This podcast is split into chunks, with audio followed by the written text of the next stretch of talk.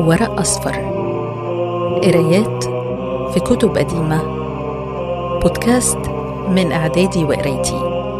نهى الإبياري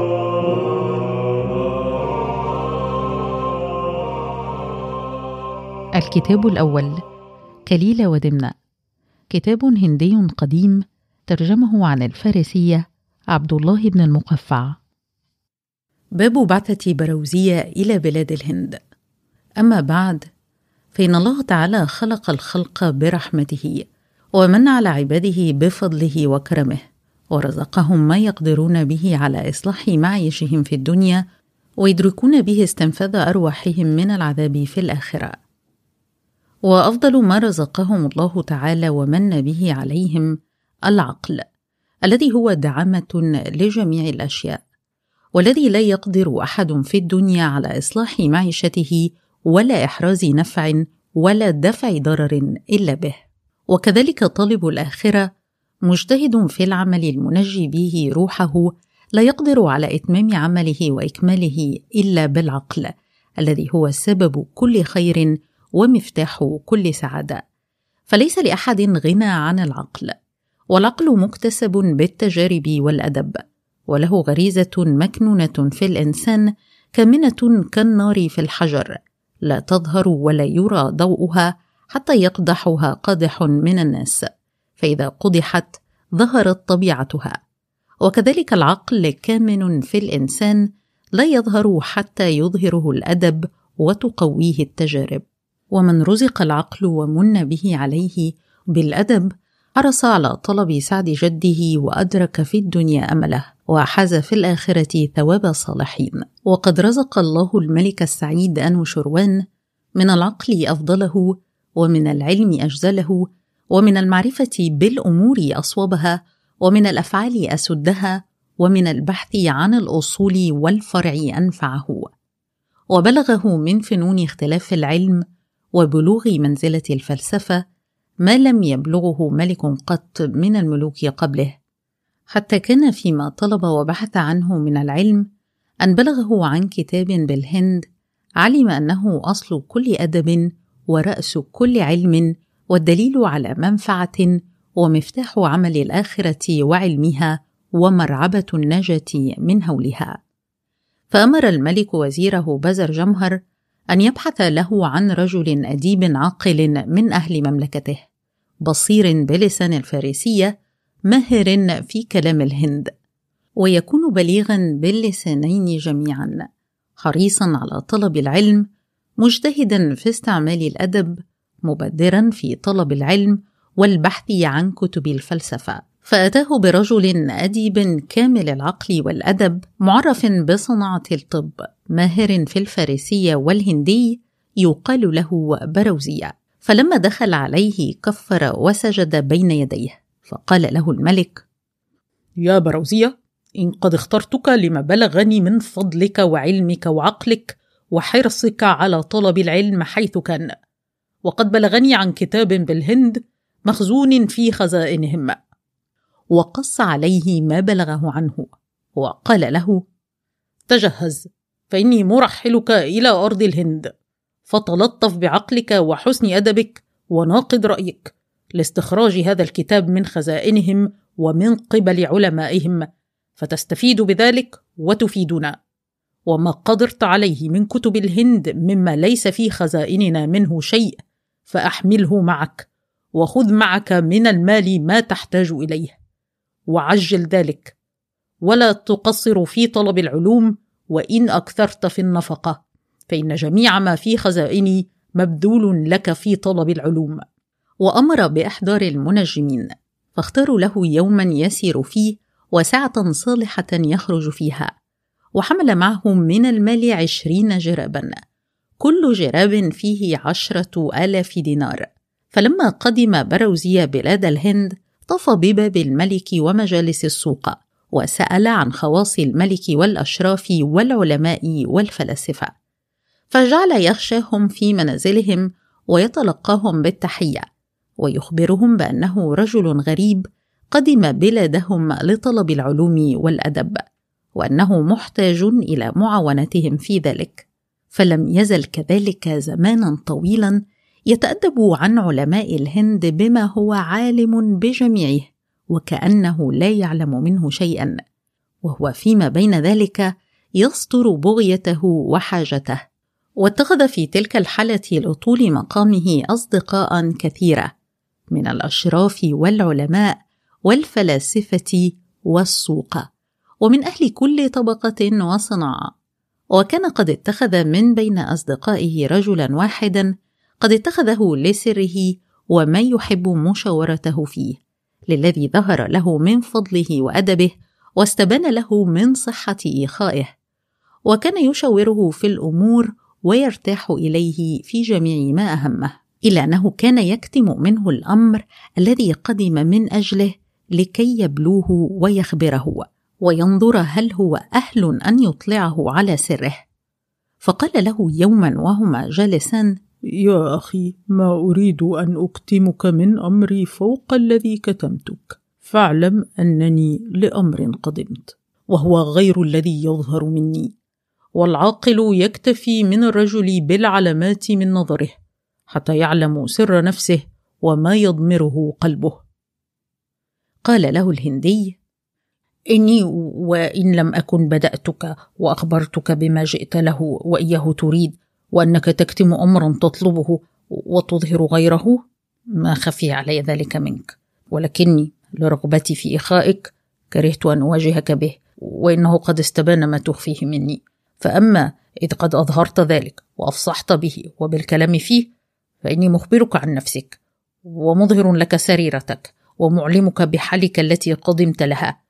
فإنك قدمت بلدنا لتسلبنا كنوزنا النفيسة فتذهب بها إلى بلادك وتسربها ملكك. وكان قدومك بالمكر والخديعة. ولكني لما رأيت صبرك ومواظبتك على طلب حاجتك وتحفظ من أن يسقط منك الكلام مع طول مكثك عندنا بشيء يستدل به على سريرتك وأمورك ازددت رغبة في إخائك وثقة بعقلك فأحببت مودتك.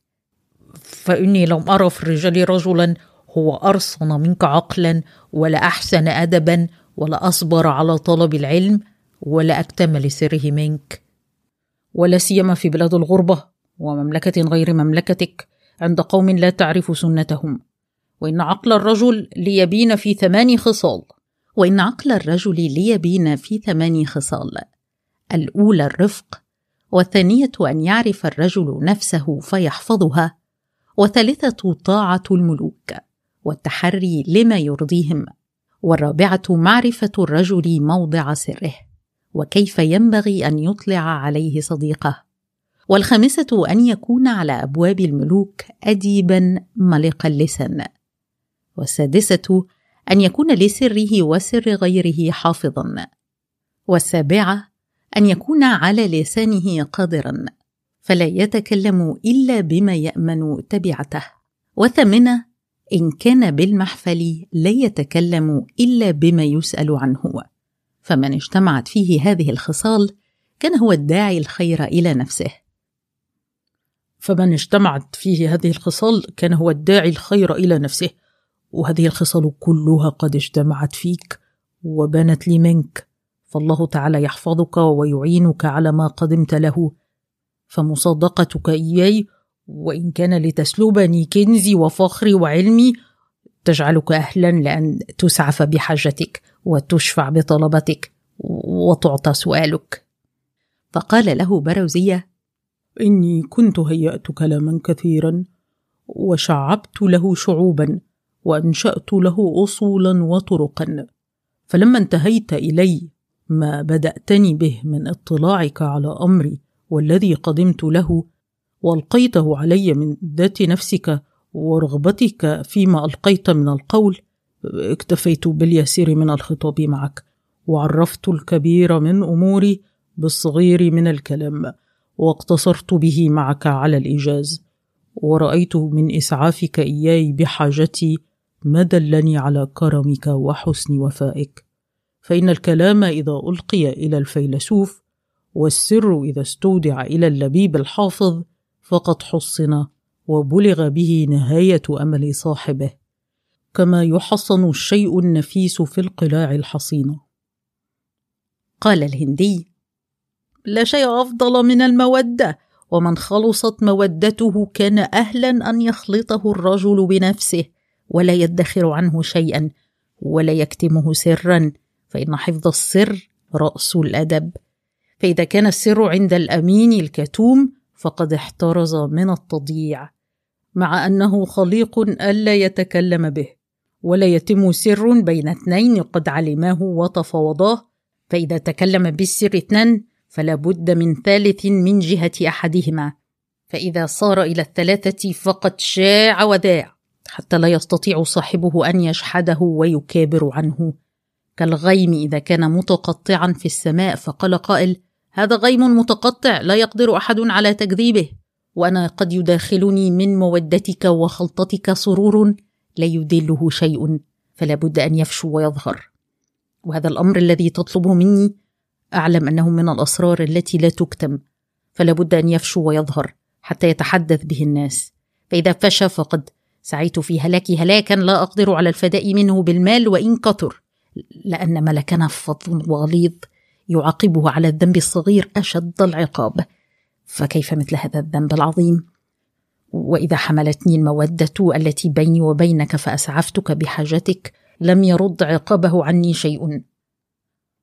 قال بروزية إن العلماء قد مدحت الصديق إذا كتم سر صديقه وأعانه على الفوز. وهذا الأمر الذي قدمت له لمثلك ذخرته وبك أرجو بلوغه وأنا واثق بكرم طباعك ووفور عقلك. وأعلم أنك لا تخشى مني ولا تخاف أن أبديه بل تخشى أهل بيتك الطائفين بك وبالملك أن يسعوا بك إليه. وأنا أرجو الا يشيع شيء من هذا الأمر لأني أنا ضاعن وأنت مقيم وما أقمت فلا ثالث بيننا. فتعاهدا على هذا جميعا. وكان الهندي خازن الملك وبيده مفاتيح خزائنه. فأجابه إلى ذلك الكتاب وإلى غيره من الكتب فأكب على تفسيره ونقله من اللسان الهندي إلى اللسان الفارسي. وأتعب نفسه وأنسب بدنه ليلا ونهارا. وهو مع ذلك وجل وفزع من ملك الهند خائف على نفسه من أن يذكر الملك الكتاب في وقت لا يصادفه في خزائنه. فلما فرغ من استنساخ الكتاب وغيره مما أراد من سائر الكتب كتب إلى انوشروان يعلمه بذلك. فلما وصل إليه الكتاب سر بذلك سرورا شديدا. ثم تخوف معالجة المقادير أن تنغص عليه الفرحه فكتب إلى بروزيه يأمره بتعجيل القدوم. فصار بروزيه متوجها نحو كسرى. فلما رأى الملك ما قد مسه من الشحوب والتعب والنصب قال له أيها العبد الناصح الذي كان يأكل ثمرة ما قد غرس أبشر وقر عينا فإني مشرفك وبالغ بك أفضل درجة. وأمره أن يريح بدنه سبعة أيام. فلما كان اليوم الثامن أمر الملك أن يجتمع إليه الأمراء والعلماء. فلما اجتمعوا أمر بروزيه بالحضور فحضر ومعه الكتب ففتحها وقرأها على من حضر من أهل المملكة. فلما سمعوا ما فيها من العلم فرحوا فرحا شديدا وشكروا الله على ما رزقهم ومدحوا بروزيه وأثنوا عليه. وأمر الملك أن تفتح لبروزية خزائن اللؤلؤ والزبرجد والياقوت والذهب والفضة وأمره أن يأخذ من الخزائن ما شاء من مال أو كسوة. وقال يا بروزية إني قد أمرت أن تجلس على مثل سريري هذا وتلبس تاجا وتترأس على جميع الأشراف. فسجد بروزية للملك ودعا له وطلب من الله وقال أكرم الله تعالى الملك كرامة الدنيا والآخرة وأحسن عني ثوابه وجزاءه. فإني بحمد الله مستغن عن المال بما رزقني الله على يد الملك السعيد الجد العظيم الملك ولا حاجة لي بالمال. لكني لما كلفني الملك ذلك وعلمت أنه يسره أنا أمضي إلى الخزائن فآخذ منها طلبا لمرضاته. وامتثالا لأمره.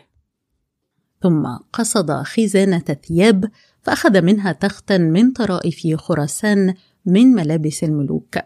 فلما قبض بروزية ما اختاره ورضيه من الثياب قال أكرم الله تعالى الملك ومد في عمره أبدا. لابد أن الإنسان إذا أكرم وجب عليه الشكر وإن كان قد استوجبه تعبا ومشقة فقد كان فيهما رضا الملك. وأما أنا فما لقيته من عناء وتعب ومشقة لما أعلم أن لكم فيه الشرف يا أهل هذا البيت. فإن لم أزل إلى هذا اليوم تابعا رضاكم. أرى العسير فيه يسيرا والشاق هينا والنصب والأذى سرورا ولذة لما أعلم أن لكم فيه رضا وقربا عندكم. ولكني أسألك أيها الملك حاجة تسعفني بها وتعطيني فيها سؤالي. فإن حاجتي يسيرة وفي قضائها فائدة كثيرة. قال أنو شروان قل فكل حاجة لك من قبلنا مقضية ولم نرد طلبتك فكيف ما سوى ذلك؟ فقل ولا تحتشم فإن الأمور كلها مبذولة لك. قال بروزية أيها الملك لا تنظروا إلى عنائي في رضاك وانكماشي في طاعتك فإنما أنا عبدك يلزمني بذل مهجتي في رضاك. ولو لم تجزني لم يكن ذلك عندي عظيما ولا واجبا على الملك. ولكن لكرمه وشرف منصبه عمد إلى مجازاتي وخصني وأهل بيتي بعلو المرتبة ورفع الدرجة. حتى لو قدر أن يجمع لنا بين شرف الدنيا والآخرة لفعل. فجزاه الله عنا أفضل الجزاء. قال أنو شروان اذكر حاجتك فعلى ما يسرك. فقال بروزية حاجتي أن يأمر الملك أعلاه الله تعالى وزيره بزر جمهر بن البختان ويقسم عليه أن يعمل فكره ويجمع رأيه ويجتهد طاقته ويفرغ قلبه في نظم تأليف كلام متقن محكم ويجعله بابا يذكر فيه أمري ويصف حالي. ولا يدع من المبالغة في ذلك أقصى ما يقدر عليه. ويأمره إذا استتمه أن يجعله أول الأبواب التي تقرأ قبل باب الأسد والثور. فإن الملك إذا فعل ذلك فقد بلغ بي وبأهلي غاية الشرف وأعلى المراتب. وأبقى لنا ما لا يزال ذكره باقيا على الأبد حيثما قرئ هذا الكتاب. فلما سمع كسرى أنو شروان والعظماء مقالته وما سمت إليه نفسه من محبة إبقاء الذكر استحسنوا طلبته واختياره. وقال كسرى حبا وكرامة لك يا بروزية إنك لأهل أن تسعف بحاجتك فما أقل ما قنعت به وأيسره عندنا وإن كان خطره عندك عظيما. ثم أقبل أنو شروان على وزيره بزر جمهر فقال له قد عرفت مناصحة بروزية لنا وتجشمه المخاوف والمهالك فيما يقربه منا.